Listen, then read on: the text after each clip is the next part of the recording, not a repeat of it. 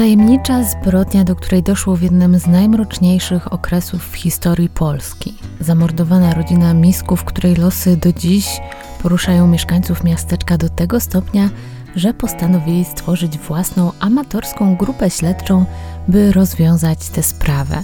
Zapraszam na kryminalną historię Polski w zbrodniach prowincjonalnych.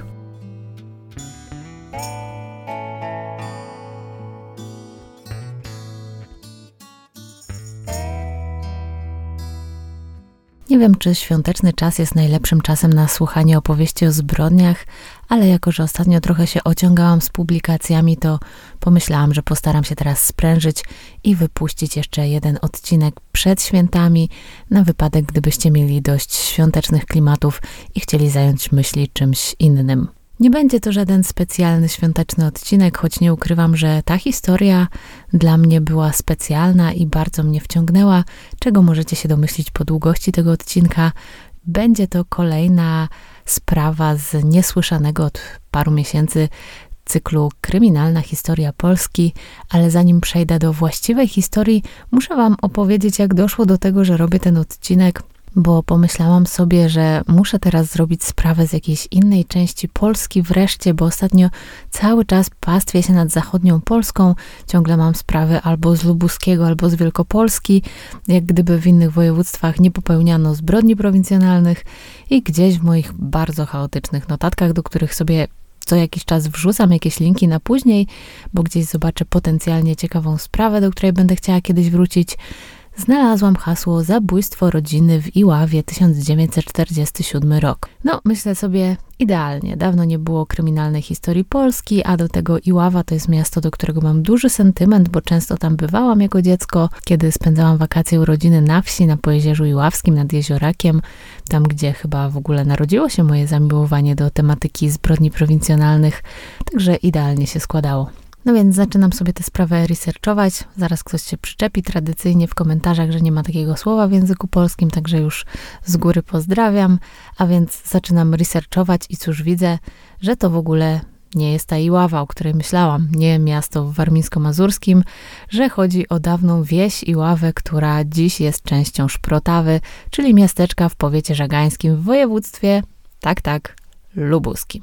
Także, co ja mogę powiedzieć? Chciałam, starałam się, walczyłam, ale i tak trafiłam do zachodniej Polski. To chyba taka moja własna wersja szubienicy z rękopisu znalezionego w Saragosie. Ale sprawa już mnie na tyle wciągnęła, że nie chciałam jej zmieniać, także opowiem Wam dziś tę historię, która jest wyjątkowa pod wieloma względami, również z uwagi na to, w jaki sposób na nowo ją odkryto, bo śledztwo w tej sprawie podjął po latach zespół działający przy Muzeum Ziemi Szprotawskiej, określają się jako Archiwum X. W skład tego zespołu weszli mieszkańcy Szprotawy, wśród nich historyk, emerytowany śledczy, dyrektor muzeum. No i właśnie dzięki nim po latach mogliśmy usłyszeć o tej sprawie. Bardzo mi się spodobała taka koncepcja lokalnej, nieformalnej grupy śledczej rozwiązującej zagadki sprzed lat.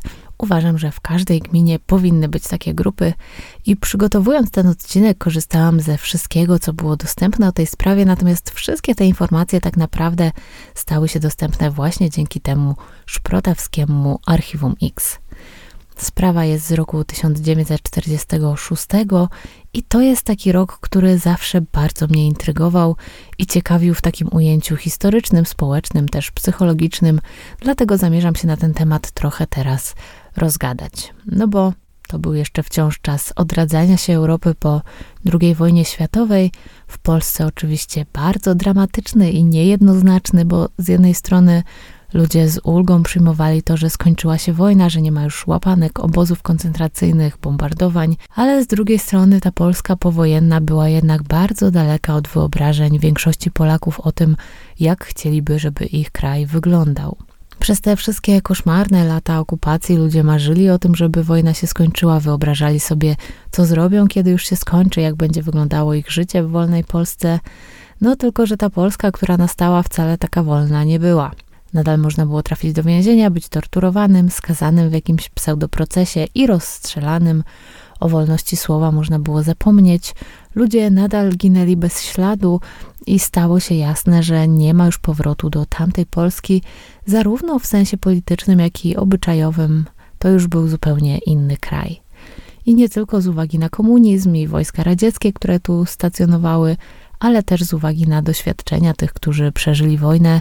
To był przecież właściwie cały kraj ludzi cierpiących na zespół stresu pourazowego, którego w tamtych czasach nikt nie leczył. Ludzi z traumami, dzieci z traumami, które dzisiaj trudno sobie nawet wyobrazić. Rok 1946 był też rokiem słynnego referendum ludowego i tego tak zwanego trzy razy tak, referendum, którego wyniki były znane jeszcze przed jego rozpoczęciem i które zostało po prostu sfałszowane i jedynie stwarzało pozory demokracji i w pewien sposób usankcjonowało władzę komunistów na terenie Polski. To referendum odbyło się 30 czerwca 1946 roku, niecały miesiąc przed tym, jak w Iławie Szprotawie doszło do tej niewiarygodnej zbrodni, o której chcę Wam dziś opowiedzieć.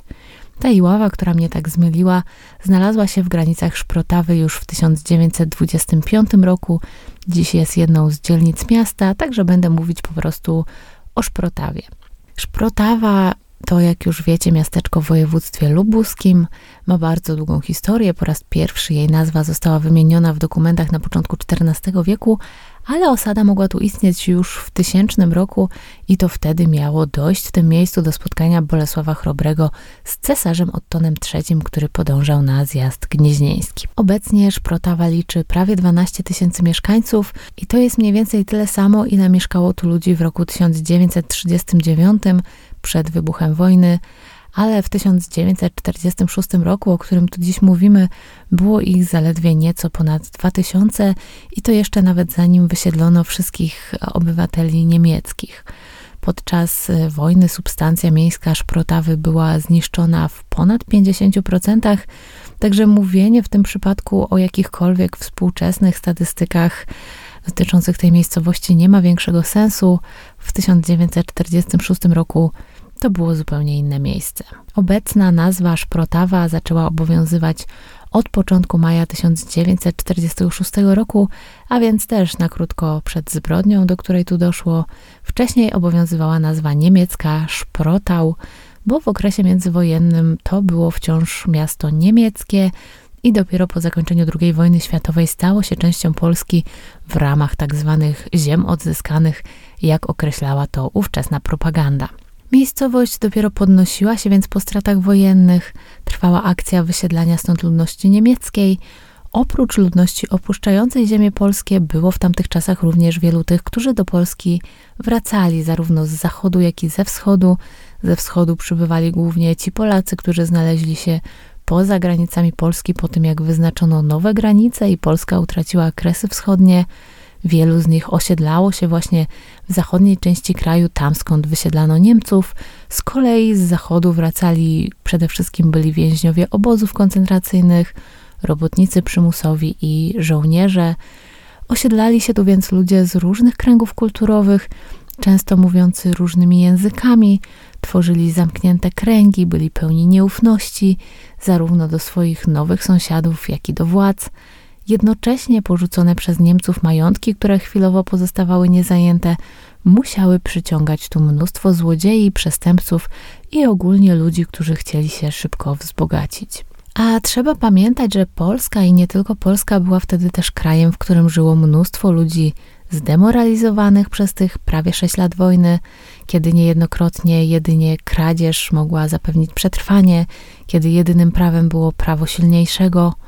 Po wojnie wciąż panowała nędza, więc napady, szaber, ograbianie domów i mieszkań pozostawionych przez właścicieli na czas działań wojennych były tu właściwie codziennością i wielu ludzi nie uważało ich nawet za coś nagannego. Nieraz to było być albo nie być. Po okolicy wałęsali się radzieccy żołnierze, którzy znani byli z tego, że dopuszczali się gwałtów i pozostawali bezkarni. W Szprotawie też stacjonowały wojska armii radzieckiej, kilka pułków – z tych wszystkich powodów okolica była więc wyjątkowo niebezpieczna, nawet jak na ówczesne standardy. Jeśli ktoś mieszkał samotnie w jakimś domu poza centrum wsi, miał powody do niepokoju, dlatego zamykano się w domach, barykadowano drzwi, a już w szczególności po zmroku nikogo obcego nie wpuszczano do środka.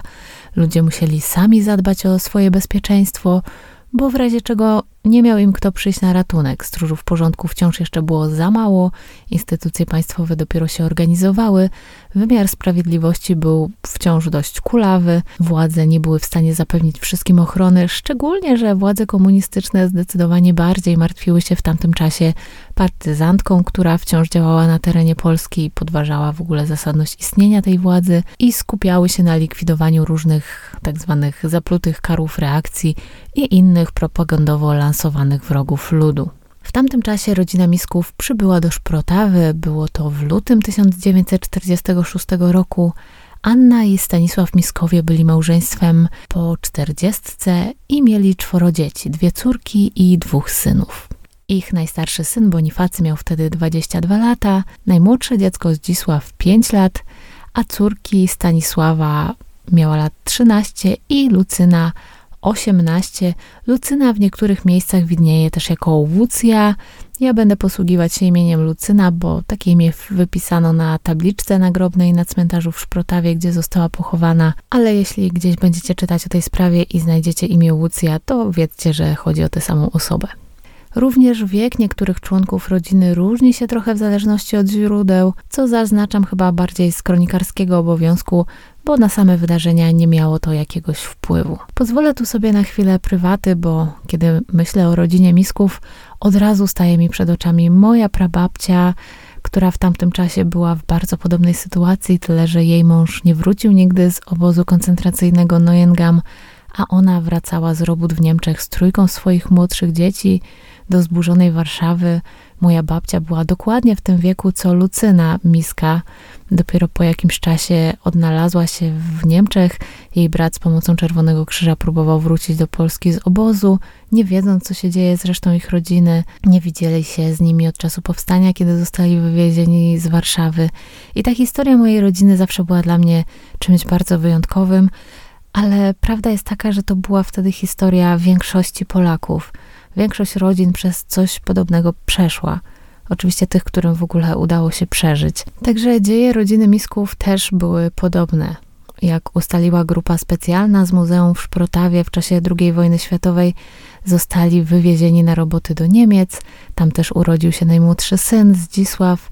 Dwoje najstarszych dzieci, Lucyna i Bonifacy, zostali oddzieleni od reszty rodziny i znaleźli się na terenie Austrii, skąd wrócili do Polski głównie piechotą. W lutym 1946 roku cała szóstka przybyła ostatecznie do Szprotawy. Nie ma żadnych wzmianek o takiej rodzinie w dokumentach miejskich sprzed 1946 roku. Można więc zakładać, że tak jak większość mieszkańców w tamtym czasie stanowili ludność napływową. Może byli repatriantami z Zabuga, którzy po zwolnieniu z obozów nie mogli już wrócić do swojego domu, bo ten znalazł się po drugiej stronie granicy w Związku Radzieckim, a może po prostu chcieli zacząć swoje życie od nowa w zupełnie innym miejscu, bo ich dom, dobytek, miasto albo wieś, w której żyli, zostały zniszczone w czasie wojny i nie mieli do czego wracać. Powodów mogło być wiele. Zamieszkali w domu przy ulicy Polnej. Choć przy samej Polnej domy stoją dość blisko siebie, jest ich tam kilka, to dom Misków akurat położony jest na uboczu. Z ulicy Polnej, której nazwa zresztą znakomicie oddaje stan tej drogi, trzeba skręcić w wąską dróżkę dojazdową do posesji, a skoro główna ulica nie różni się wiele od dróżek na łąkach wyjeżdżonych przez ciągniki, to możecie sobie wyobrazić, jak może wyglądać dróżka, która prowadzi na posesję. Dom Misków znajdował się w drugiej linii zabudowy, może nawet w trzeciej. W każdym razie był dość znacznie oddalony od sąsiadów, na tyle, że ciężko było zobaczyć co się u nich dzieje. Na zdjęciach z 1946 roku widać, że część mieszkalna była połączona z budynkiem gospodarczym. Pewnie było to pomieszczenie dla zwierząt, choć trudno stwierdzić, czy w tamtym czasie były tam już jakieś zwierzęta. Ich zakup pewno nie był wtedy taki prosty. Był to parterowy budynek z mieszkalnym poddaszem, kryty czerwoną dachówką. Dom stoi tam do dziś, ukryty za zaroślami i słabo widoczny z drogi. W tamtych czasach takie położenie mogło oznaczać kłopoty i niestety tak było. Miskom udało się przeżyć wojnę, wydawało się, że to co najgorsze było już za nimi. Stopniowo odbudowywali swoje życie. Przyszła wiosna, potem lato. Anna i Stanisław pracowali w polu. Ich najstarszy syn Bonifacy terminował u stolarza. Młodsze dzieci chodziły do szkoły. Osiemnastoletnia Lucyna, dziewczyna o jasnych włosach i okrągłej buzi, regularnych rysach przedwojennej piękności, pomagała w domu, no i trochę flirtowała. Także życie wracało do normy. Niestety największy dramat rodziny Misków miał się rozegrać właśnie w czasach pokoju. Jeszcze do niedawna nie było nawet zgodności co do roku, w którym doszło do zbrodni. Przez długi czas mówiono, że popełniono ją w 1946 roku. Dziś wiemy już, że było to lato 1946 roku, niedziela 21 lipca, kiedy to córka sąsiadów została wysłana przez swoich rodziców do Misków, żeby pożyczyć trochę pasty do butów. Pewnie trzeba było wyczyścić buty na niedzielną mszę, a taki luksusowy towar jak pasta do butów w 1946 roku nie zawsze udało się dostać. Dziewczyna poszła więc polną dróżką do sąsiedniego gospodarstwa i już gdy się do niego zbliżała, poczuła, że coś jest nie tak. W obejściu było wyjątkowo cicho, w domu misków mieszkało przecież sześć osób, więc zawsze ktoś się kręcił, ktoś coś robił, coś mówił, a tutaj cisza. Drzwi i okna były pozamykane. Sąsiadka zapukała i spróbowała otworzyć drzwi, ale te, jak później twierdziła, były zaryglowane. Zajrzała, przez, zajrzała więc przez okno i tam zobaczyła ślady krwi. Nie szukała dalej, popędziła z powrotem do domu i powiedziała o wszystkim swoim rodzicom. W podobnym czasie do misków miał zajrzeć ośmioletni Władek, który kolegował się z ich najmłodszym synem, z dzisiem. Przyszedł, żeby zobaczyć się z kolegą, a kiedy nikt nie odpowiedział, na pukanie wszedł do środka. Oprzedł całe mieszkanie, a gdy nikogo tam nie znalazł, zszedł do piwnicy i tam zobaczył ciała. A przynajmniej tak później twierdził, jednak inne zeznania i wspomnienia, które pojawiły się w tej sprawie, sugerują, że drzwi były zamknięte, a więc chłopiec nie miałby za bardzo jak wejść. Może zakradł się tam już później, kiedy na miejsce przybyli sąsiedzi zaalarmowani przez córkę i przeszukiwali dom w poszukiwaniu misków, a może w ogóle nie było go w środku, tylko sugestywne opowieści krążące po okolicy sprawiły, że po latach wydaje mu się, jakby tam był, a może drzwi wcale nie były zamknięte i to inni się mylą. Ze wspomnieniami po latach jest ten problem, że często mieszają się z tym, co usłyszeliśmy później, tym, co sobie sami dopowiedzieliśmy lub wyobraziliśmy. I po kilkudziesięciu latach nie sposób oddzielić w tych wspomnieniach faktów od wrażeń, emocji czy wyobrażeń. A w sprawie zabójstwa misków można dziś liczyć przede wszystkim na wspomnienia świadków, co prowadzi do wielu nieścisłości. Pomimo tego Szprotawskiemu Archiwum X udało się w pewnym stopniu odtworzyć tamte wydarzenia, a to za sprawą akt, które odnaleźli w IPN-ie i pamiętnika pewnego milicjanta. Na tej podstawie stwierdzono, że zabójca albo dostał się do środka przez okno, które dość łatwo było podważyć i otworzyć od zewnątrz, albo został wpuszczony do środka przez kogoś z domowników. Nie było widać śladów włamania, drzwi nie zostały wyłamane, okna nie były potłuczone, tylko w jednym z okien widoczne były ślady krwi. Poza tym w pomieszczeniach mieszkalnych żadnych śladów nie było, cały dramat musiał więc rozegrać się w piwnicy. A więc nie wyglądało to jak typowy napad rabunkowy jakiejś bandy, choć szuflady były otwarte i prawdopodobnie zginęła z nich jakaś suma pieniędzy. Przetrwał pewien dokument, który daje nam wyobrażenie o tym, jak wyglądało miejsce zbrodni, choć trzeba zaznaczyć, że jest to dokument spisany po latach. Prowadzący śledztwo współpracownicy Muzeum w Szportawie dotarli do wywiadów ze szprotawskimi pierwszymi milicjantami, które zostały przeprowadzone w 1979 roku.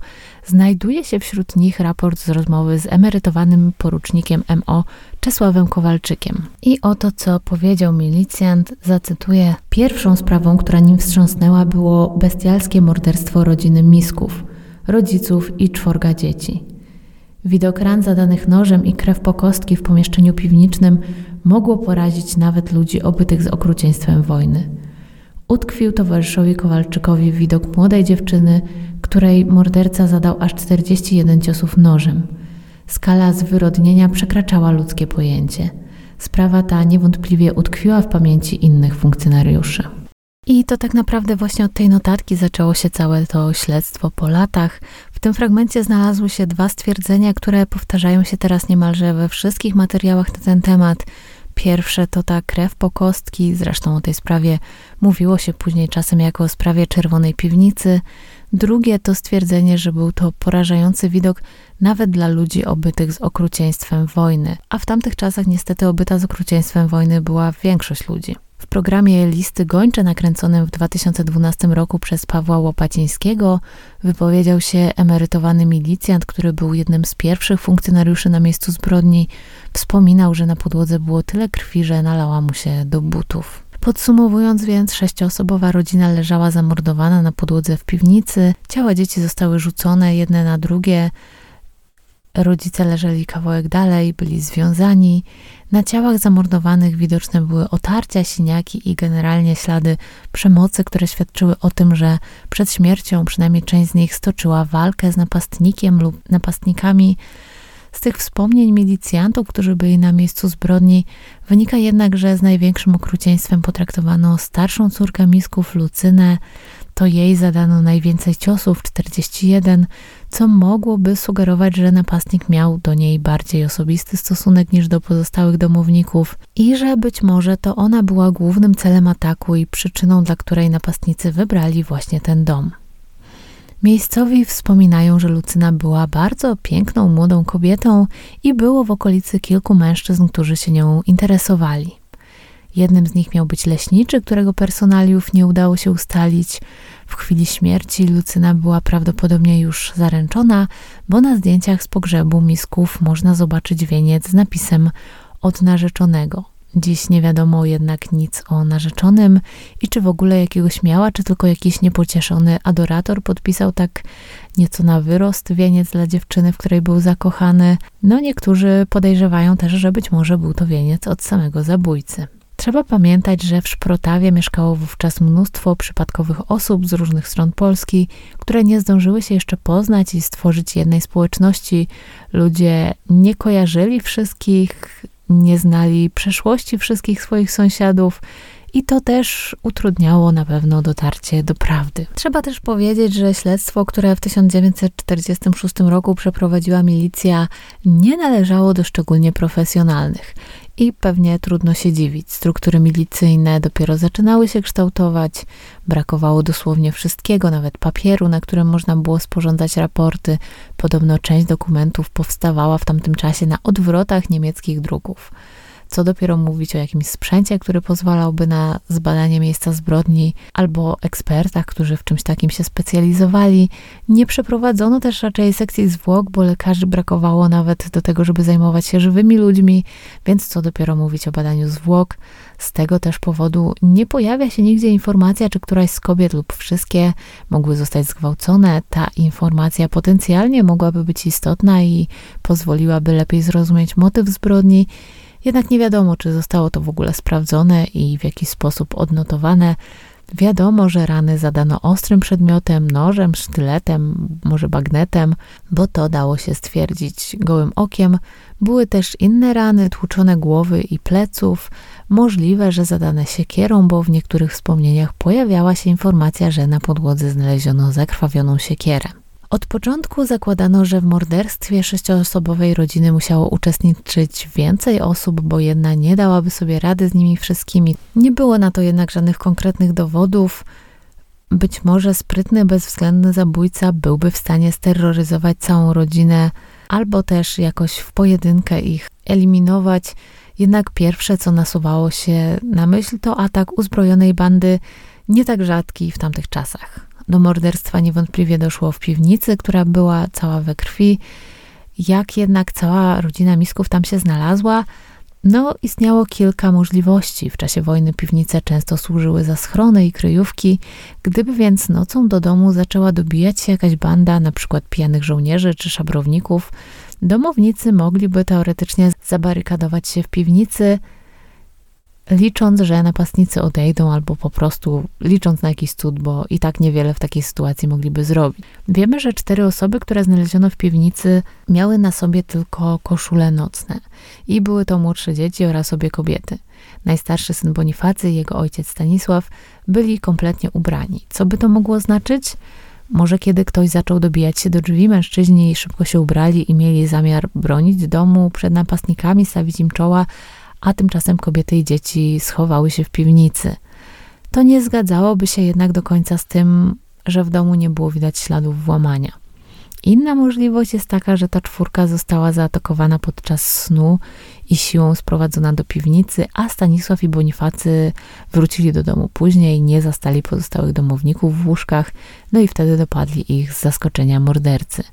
Piwnicę napastnicy mogli wybrać, żeby zminimalizować prawdopodobieństwo, że któryś z sąsiadów usłyszy krzyki ofiar. Te wszystkie nieścisłości spowodowane są tym, że nie dysponujemy dziś pełnymi aktami tej sprawy. Jeszcze w latach 70. siostrzeniec zamordowanej Anny próbował uzyskać więcej informacji o zbrodni, zwracał się do różnych instytucji państwowych o udostępnienie akt. Odsyłano go jednak od Annasza do Kajfasza. Każda kolejna instytucja twierdziła, że dokumenty dotyczące sprawy Misków zostały przesłane do innej, w innej miejscowości. Część akt została po latach wreszcie odnaleziona w IPN-ie, ale dotyczyły one trochę czegoś innego, o czym powiem za chwilę. Wtedy w latach 70. krewny Misków został poinformowany, że dokumenty zostały częściowo utajnione. Pojawiła się informacja, że akta zostały przekazane Wojskowej Prokuraturze Rejonowej we Wrocławiu, co mogło oznaczać, że charakter tej zbrodni nie był typowo kryminalny, albo że jej sprawcą mógł być ktoś powiązany czy to z wojskiem, czy z ówczesnymi władzami i służbami. Od razu rodzi się więc kilka hipotez związanych z ówczesną sytuacją polityczną na tych ziemiach, z takimi podtekstami, no nazwijmy to nacjonalistycznymi. Jak wspominałam wcześniej, w Szprotawie stacjonowały wojska radzieckie, dziś już wiemy, jak to wyglądało w praktyce, szczególnie na ziemiach zamieszkiwanych przez ludność niemiecką. Zdemoralizowani radzieccy żołnierze robili co chcieli – Gwałty, kradzieże, przemoc wobec ludności cywilnej były właściwie normą. Nie było właściwie żadnych możliwości, żeby się przed nią bronić. Jednak o ile na przemoc wobec niemieckich kobiet było pewne przyzwolenie, no to już atakowanie polskich rodzin, jeszcze takich należących do, nazwijmy to, klasy pracującej, której względy chciała pozyskać nowa władza, no już nie, co mogłoby tłumaczyć, dlaczego sprawa tak się rozmyła. Gdyby władza dokonała zatrzymania mordercy, prawdopodobnie chętnie by się tym pochwaliła, chętnie zrobiono by pokazówkę, jakie to skuteczne jest nowe państwo w zwalczaniu kryminalistów i jak dba o swoich obywateli. Tymczasem o tej sprawie milczano, no więc tutaj ten udział żołnierzy rosyjskich mógłby w jakiś sposób e, do tego pasować. O ile udział Rosjan byłby dla władz niewygodny, o tyle już udział organizacji militarnych czy paramilitarnych z innych krajów znakomicie wpasowywał się w ówczesną propagandę, zrzucenie odpowiedzialności na Ukraińców albo Niemców idealnie do tej narracji pasowało, stąd możliwe, że w rozpowszechnianiu takich pogłosek miało swój udział UB i że była to próba mylenia tropów, bo kolejny trop to była UPA. To co prawda nie były tereny, na których obecne były większe formacje UPA, nie było tutaj jakichś e, dużych działań. Wiadomo, że UPA działała bardziej na południowym wschodzie, na Kresach, w Bieszczadach, ale pojedyncze żołnierze przedostawali się na te tereny po tym, jak kolejne oddziały były rozbijane i próbowali tu się ukryć przed ścigającymi ich władzami. Jednak nie ma za bardzo świadectw, żeby tu w zachodniej Polsce oddziały UPA dopuszczały się jakichś większych ataków na ludność cywilną, żeby dokonywały się tu takie masakry, o jakich słyszeliśmy chociażby w przypadku Wołynia, tam rzeczywiście banderowcy mordowali ludność polską masowo, ale mieli też do dyspozycji całe oddziały i zrównywali z ziemią całe wsie, siali terror. Tu wyglądało to inaczej. Ci ludzie, którzy tu się przedostali, usiłowali raczej wmieszać się w tłum. Jeśli działali to w ukryciu, w konspiracji, jeśli atakowali, no to raczej ludzi, którzy w jakiś sposób mieli znaczenie dla walki, którą toczyli, ludzi na stanowiskach. Rodzina Misków nie należała do takich ludzi, a część z tych żołnierzy UPA na ziemiach zachodnich mogła być w ogóle wymysłem komunistycznej propagandy. A zatem byli Rosjanie, byli Ukraińcy, no to jeszcze brakuje Niemców. W tamtych czasach władze komunistyczne szczególnie chętnie wykorzystywały w swojej propagandzie informacje o niemieckiej, nazistowskiej partyzantce działającej na terenach Polski. Grupa była znana pod nazwą Werwolf, czyli Wilkołak i w dużym skrócie realizowała plan dywersji i walki partyzanckiej na ziemiach utraconych przez Niemcy w wyniku II wojny światowej. Starali się przeciwdziałać wysiedleniom, sabotowali działania polskich władz na zachodnim pograniczu, a jeśli nie dawało się zatrzymać Niemców w ich majątkach, to przynajmniej dążyli do tego, żeby te majątki zniszczyć, tak żeby Polacy też nie mogli z nich skorzystać. Podejmowali też czasem walkę bezpośrednią, Współcześnie historycy często przychylają się do tego, że w rzeczywistości te grupy były o wiele mniej liczne i zdecydowanie mniej niebezpieczne niż mówiono w tamtych czasach, że działalność Werwolf była w dużej mierze rozdmuchana przez komunistyczne władze, żeby uzasadnić wysiedlenia ludności niemieckiej i nastawić ludność polską przeciwko niej, choć w tamtych czasach i tak chyba za bardzo Polaków do nielubienia Niemców nie trzeba było namawiać. Bardziej też może chodziło o to, żeby wzbudzić u obywateli strach i takie poczucie, że tylko nowa władza może ich ochronić przed tymi nazistami, którzy wciąż gdzieś tam się czają. Jaki to ma związek z rodziną Misków i co Werwolf miałby osiągnąć zabijając tę rodzinę? Nie ma tu żadnego jasnego powiązania. Ewentualnie mogłoby chodzić o zastraszenie polskiej ludności, przekonanie jej, że te tereny są niebezpieczne i lepiej się tu nie osiedlać, choć to chyba trochę naciągane wyjaśnienie i cała ta teoria z Werwolf raczej do tej, do tej historii nie pasuje, choć rzeczywiście była lansowana przez ówczesne władze jako, taka, tak jako takie wygodne wytłumaczenie.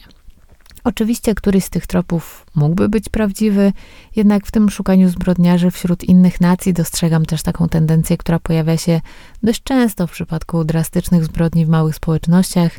Niezależnie od okoliczności politycznych, historycznych, ludzie zwyczajnie chcą uwierzyć, że musiał to zrobić ktoś z zewnątrz nie chcą się zmierzyć z taką myślą, że do tak bestialskich czynów mógł się posunąć ktoś z ich kręgu, kogo znają, kto mieszka obok, kogo się widuje w sklepie czy w kościele. Człowiek jakoś lepiej się czuje, kiedy wmówi sobie, że nie ma w jego otoczeniu bandytów zdolnych do takiego okrucieństwa. Lepiej jest wierzyć, że to ktoś obcy, ktoś innej narodowości, kto nie ma z nami nic wspólnego i kogo już tutaj nie ma. Ale w sprawie misków mordercy trzeba było szukać bliżej wśród ludzi, którzy znali rodzinę i najprawdopodobniej mieli do niej o coś żal, czy jakieś powody do tego, żeby szukać zemsty. I miejscowi dość szybko zaczęli wskazywać kogoś, kto taki powód mógł mieć i kto już wcześniej groził miską. Szprotawskie Archiwum X dotarło do nazwiska tego człowieka. Nazywał się Stefan Troszczenko, a przynajmniej takim nazwiskiem posługiwał się w tamtym czasie. Mężczyzna został zatrzymany wkrótce po morderstwie. Miejscowi twierdzili, że w chwili aresztowania znaleziono przy nim pięć różnych dokumentów tożsamości, co mogłoby sugerować jakąś działalność szpiegowską, choć w tamtych czasach ukrywanie tożsamości nie było czymś niespotykanym. Służby cały czas polowały na byłych żołnierzy, AK i nie tylko AK, członków podziemia, partyzantów, ale też ludzi, którzy ich znali lub byli z nimi spokrewnieni. Nie brakowało osób, które po wojnie starały się zniknąć z radaru służb, zmienić swoje dane, personalia i zacząć wszystko od nowa z wielu powodów. Czy w tym przypadku było tych tożsamości aż pięć? Nie wiem, ale wkrótce okazało się, że mężczyzna rzeczywiście posługiwał się przynajmniej dwoma różnymi nazwiskami. Stefan Troszczenko był milicjantem i był też adoratorem Lucyny. Jedna wersja mówi o tym, że to ona go odrzuciła i związała się z kimś innym, o co Stefan był szalenie zazdrosny i właśnie to było jego motywem do zabójstwa. Inna sugeruje, że to Stefan znalazł sobie inną kochankę, niejaką Janinę, a z Lucyną zerwał. Dziewczyna, która wciąż była w nim zakochana, nie chciała jednak przyjąć tego faktu do wiadomości i pragnęła zemsty, dlatego też groziła kochankowi, że zdradzi jego przełożonym pewien sekret, który Stefan starannie ukrywał, bo był to sekret, za który po wojnie można było w Polsce dostać kulę w łeb. Tak przynajmniej wynikało z zapisków w pamiętniku byłego komendanta powiatowej komendy MO w Szprotawie, który to pamiętnik jego wnuczka przekazała specjalnemu zespołowi z muzeum. Według akt IPN-u, do których również dotarło Szprotawskie Archiwum X, Stefan Troszczenko został aresztowany wraz z trzema innymi osobami. Byli to cywile, dwóch mężczyzn i jedna kobieta, ale dziś niewiele o nich wiemy i niewiele wiemy o ich dalszych losach. Nazwisko Troszczenki pojawiło się w sprawie dzięki Janinie, kobiecie, z którą Stefan miał romans i dla której, jak to wynika z zapisków w pamiętniku komendanta, porzucił Lucynę Miskównę. Janina nie była w nim chyba aż tak ślepo zakochana, bo kiedy przyniósł jej do uprania zakrwawiony mundur wkrótce po morderstwie na Polnej, twierdząc, że zabrudził go zażynając kurę, niespecjalnie mu uwierzyła. Swoją drogą to nie pierwsza zbrodnia prowincjonalna, podczas której morderca twierdzi, że plamy krwi w różnych dziwnych miejscach pochodzą od zażynanej kury. No, Janina nie uwierzyła w to i zresztą każda kobieta na jej miejscu musiałaby się trochę zdenerwować, gdyby jej chłop przyniósł do wyprania zakrwawiony mundur. A co, sam rączek nie ma, niech sobie pierze. Zamordować sześć osób to umiał, a już pranie ubrania na kobietę zwala. No, konspirator pełną gębą. Nawet mu się nie chciało zrobić samemu prania, żeby nie, nie budzić podejrzeń i żeby nie było świadków jego zbrodni. Ech, no Janina była przytomną kobietą. Domyśliła się, że to Stefan może stać za morderstwem misków, a pokazując jej mundur, uczynił ją świadkiem swojej zbrodni i za jakiś czas może zechcieć się pozbyć takiego świadka, tak jak pozbył się Lucyny. Szczególnie, że Janina nie chciała już być narzeczoną mordercy, bała się, że podzieli los miskówny i postanowiła poinformować o wszystkim milicję. Zeznanie Janiny nie było jedynym, co obciążało Stefana Troszczenkę. Były zeznania innych mieszkańców Szprotawy, którzy wiedzieli o tym, że groził wcześniej Lucynie jej bliskim. Do tego tamtej nocy milicjant był widziany w pobliżu miejsca zbrodni pomiędzy godziną 24 a 1.30 i nie miał na ten czas żadnego wiarygodnego alibi. Komendant ze Szprotawy zebrał dowody winy Troszczenki i kilka dni później wezwał do siebie do gabinetu podwładnego na nieformalną rozmowę, żeby nie robić za dużo szumu i przedstawił mu to, czego się dowiedział. Według jego wspomnień zrobiono wtedy badanie krwi, którego wyniki były dostępne już po trzech dniach i to badanie krwi potwierdziło winę Troszczenki. Brzmi to trochę mało wiarygodnie. Po pierwsze, nie wiem w jaki sposób w tamtych czasach badano krew bo chyba wtedy można było ustalić tylko grupę krwi na tej podstawie. No i mało wiarygodne jest to, że takie badanie trwałoby tylko trzy dni. No nie wiem, być może tak było, ale jakoś ten, ten motyw z badaniem krwi nie brzmi dla mnie zbyt wiarygodnie. W każdym razie komendant ze Szprotawy wezwał do siebie Troszczenkę i zapewnił go, że jeśli przyzna się do winy, podejmie współpracę z milicją, będzie mógł liczyć na złagodzenie wyroku. No i Troszczenko po chwili zgodził się na współpracę i powiedział komendantowi, co zaszło w domu Misków. Troszczenko twierdził, że zakochał się w Janinie, dla której zostawił Lucynę Miskównę, ta jednak zaczęła go szantażować i chciała zmusić, żeby do niej wrócił. Tego Stefan w żadnym wypadku robić nie zamierzał. Ostatecznie doszedł do wniosku, że jedynym sposobem na to, żeby jego tajemnica pozostała bezpieczna, było pozbycie się Lucyny i całej rodziny Misków, która prawdopodobnie również jego sekret znała. Jego zeznania przekazane później przez komendanta MO nie do końca zgadzają się z opisem miejsca zbrodni i wnioskami wynikającymi z dokumentów znalezionych w IPN-ie, jednak trzeba pamiętać, że pamiętnik komendanta był zapewne spisywany już po jakimś czasie.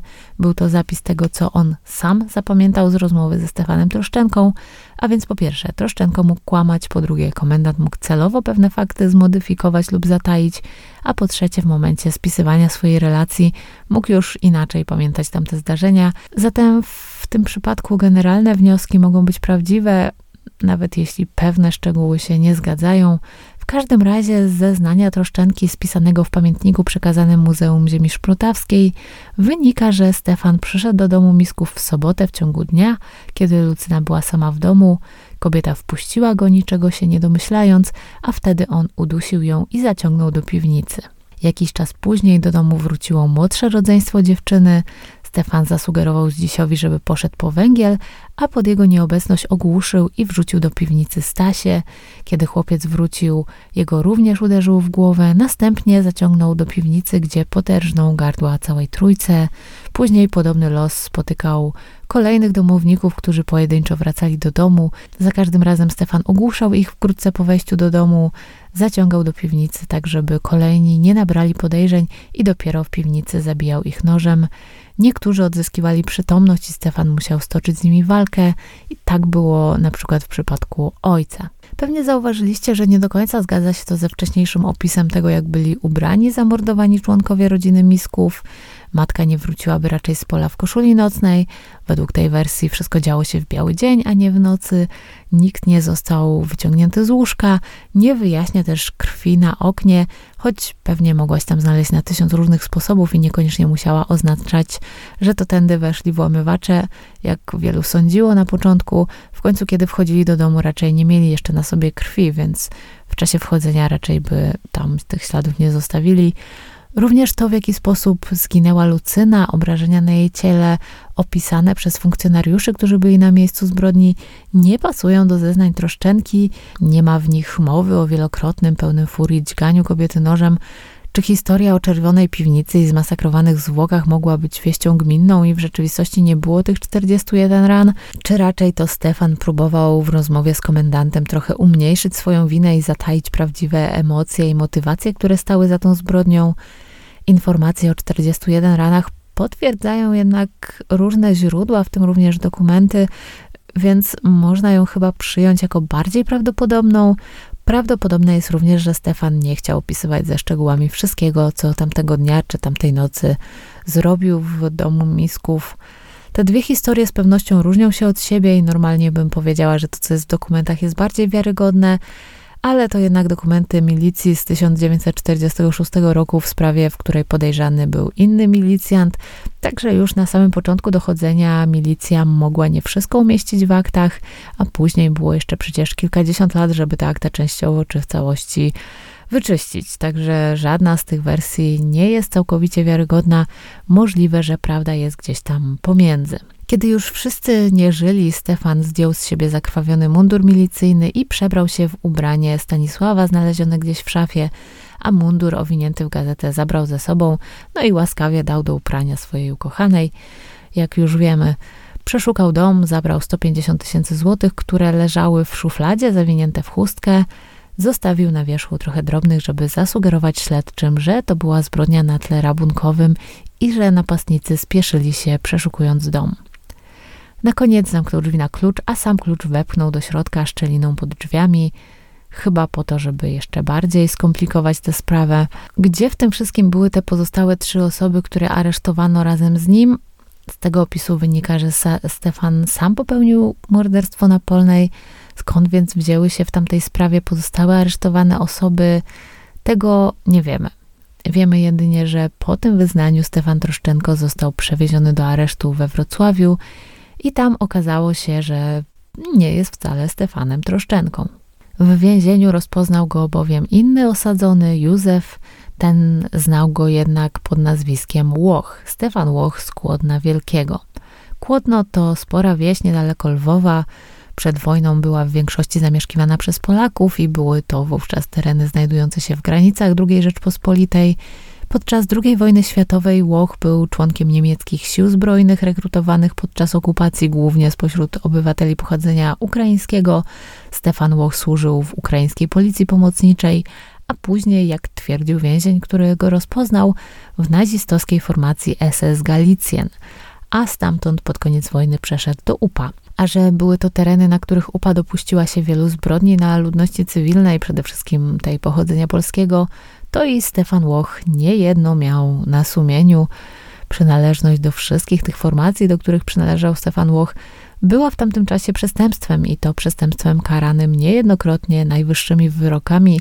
Jeśli więc Lucyna faktycznie znała jego przeszłość i groziła, że go zadenuncjuje, no to naprawdę miał się czego obawiać. Mogło go to kosztować nawet życie. A zatem motywacja do tego, żeby pozbyć się byłej kochanki była spora. Skąd wziął się Stefan Troszczenko? Możliwe, że było to nazwisko jednego z pomordowanych przez UPA Polaków. Pod koniec wojny i tuż po niej zdarzało się, że Ukraińcy napadający na Polaków zabierali im dokumenty i posługiwali się nimi podczas ucieczki na zachód. A zatem milicja we Wrocławiu miała nie tylko mordercę ze Szprotawy, lecz także posługującego się fałszywą tożsamością ukraińskiego nacjonalistę, który podczas wojny służył w niemieckich oddziałach. Jako, że obie te sprawy były dość obszerne, wojskowy sąd rejonowy zdecydował, że je rozdzieli i sam zajmie się jedynie tą częścią, która dotyczyła działalności wojennej. Łocha sprawą morderstwa w Szprotawie miał się zająć sąd okręgowy w Głogowie z siedzibą w Nowej Soli. I te informacje, które dyrektor Muzeum w Szprotawie odnalazł w aktach IPN-u, pochodzą właśnie z akt Wojskowego Sądu Rejonowego. Natomiast akta przesłane do Nowej Soli w tajemniczych okolicznościach zaginęły. To zawsze rodzi wiele podejrzeń i wiele teorii, czy akta mogą zaginąć tak przez przypadek, czy trzeba im w tym pomóc. A jeśli ktoś faktycznie w tym pomógł, no to pytanie dlaczego? Co takiego było w tych aktach, co mogłoby stanowić dla kogoś zagrożenie? No i oczywiście mało kto, szczególnie jeszcze w tamtych czasach, mógł uzyskać przecież dostęp do milicyjnych akt. Musiał to być ktoś związany z wymiarem sprawiedliwości, milicją, służbą bezpieczeństwa, czy generalnie z ówczesną władzą. Jeśli zaś chodzi o wyniki śledztwa sądu wojskowego, to udało się udowodnić jedynie, że Stefan Łoch należał podczas okupacji do ukraińskiej policji. On też tylko do tego się przyznał, a to była stosunkowo najmniej zbrodnicza formacja z tych wszystkich wymienionych. To było bardziej coś takiego jak znani nam z historii okupacyjni granatowi policjanci. Nie było świadków, którzy mogli potwierdzić, że widzieli Łocha w mundurze SS albo że uczestniczył w zbrodniach UPA. Ostatecznie Stefan Łoch został więc skazany na 6 lat więzienia jedynie za działalność w ukraińskiej policji pomocniczej. Prawdopodobnie była to jednak najmniejsza z tych zbrodni, które miał na sumieniu. Szprotawskie Archiwum X otrzymało trochę informacji o Stefanie Łochu z jego rodzinnych stron – Urodzony w 1911 roku mężczyzna miał w Kłodnie jak najgorszą opinię. Ci, którzy go znali, wspominali, że często się upijał i wywoływał awantury na zabawach. Jeszcze przed wojną miał zabić podczas kłótni swojego kuzyna, za co siedział w więzieniu. Możliwe, że w ogóle został z niego zwolniony, kiedy wybuchła wojna. W 1939 roku miał 28 lat. Tego kuzyna domyślam się, że nie zabił w kołysce, tylko jak już był dorosły albo prawie dorosły, za zabójstwo ładnych parę lat musiał dostać. Chociaż w międzywojniu było trochę tych amnestii, więc mógłby wyjść wcześniej. No nie wiadomo, czy wojna zastała go w więzieniu, czy już na wolności. Z dokumentów IPN-u wynika, że Łoch naprawdę służył w oddziale banderowskim i brał udział w zamordowaniu 12 Polaków w powiecie żółkiewskim. Później uciekł na zachód i razem z dwoma innymi żołnierzami UPA osiedlił się właśnie w Szprotawie. Wyrok w jego sprawie przed sądem wojskowym był więc zadziwiająco niski, a wyrok w sprawie morderstwa Misków prawdopodobnie nigdy nie zapadł. Ślady urywają się w momencie przekazania akt e, sprawy do Nowej Soli. Tam jednak nie pozostał po nich żaden ślad. Nie wiadomo, czy historia została wyczyszczona już później, czy sprawie od razu ukręcono łeb. Zajmujący się tą sprawą zespół z Muzeum w Szprotawie przyjmuje, że Łoch mógł uniknąć kary za zamordowanie misków, bo po swoim zatrzymaniu zgodził się na współpracę ze służbami jako były członek UPA mógł być pomocny w prowadzeniu działań przeciwko innym członkom ukraińskiej powstańczej armii, którzy próbowali się ukryć na ziemiach polskich. Służby mogły chcieć to wykorzystać, proponując mu w zamian uniknięcie odpowiedzialności za popełnione zbrodnie i nowe życie, życie tajnego współpracownika UB. Choć takie rozwiązanie zagadki generalnie wydaje się wiarygodne, ja nie mogę nie podzielić się z Wami moją jedną taką główną wątpliwością, a mianowicie Zauważcie, jaki to był wygodny zbieg okoliczności, że w więzieniu we Wrocławiu akurat przebywał jakiś tajemniczy Józef Skłodna, który od Szprotawy jest oddalony o ponad 700 kilometrów i akurat ten Józef czy to trafił do tej samej celi, czy zobaczył troszczenkę gdzieś na korytarzu i go rozpoznał, tak przypadkiem. Nie jest to oczywiście niemożliwe, ale jakieś takie wyjątkowo wygodne dla władz a ówczesne władze nie czekały raczej na szczęście czy przypadek, tylko same o takie przypadki się starały, a biorąc pod uwagę to, jak w tamtych czasach fabrykowano dowody albo całkowicie je ignorowano, jak, jak potrafiono wymuszać zeznania, oskarżenia, szantażować i torturować, to nie jest wcale wykluczone, że tło tej sprawy było nieco inne niż dzisiaj myślimy, i że ówczesne władze postanowiły na przykład wrobić w te zbrodnie kogoś, wobec kogo miały swoje plany. Może ów Józef wcale nie znalazł się tam przypadkiem, a aresztowanie w sprawie zabójstwa Misków było jedynie pretekstem, żeby sprowadzić domniemanego Łocha do więzienia we Wrocławiu i pokazać go Józefowi, który znalazł się tam właśnie w tamtym celu, albo który był tym, który go zadenuncjował. Mogło to też wyglądać jeszcze jakoś inaczej, możliwości można by tu mnożyć w nieskończoność, ale to oczywiście tylko domysły i z pewnością wciąż jest wiele szczegółów w tej sprawie, które chciałabym poznać, żeby upewnić się co do prawdziwości tej wersji, którą teraz przyjmujemy.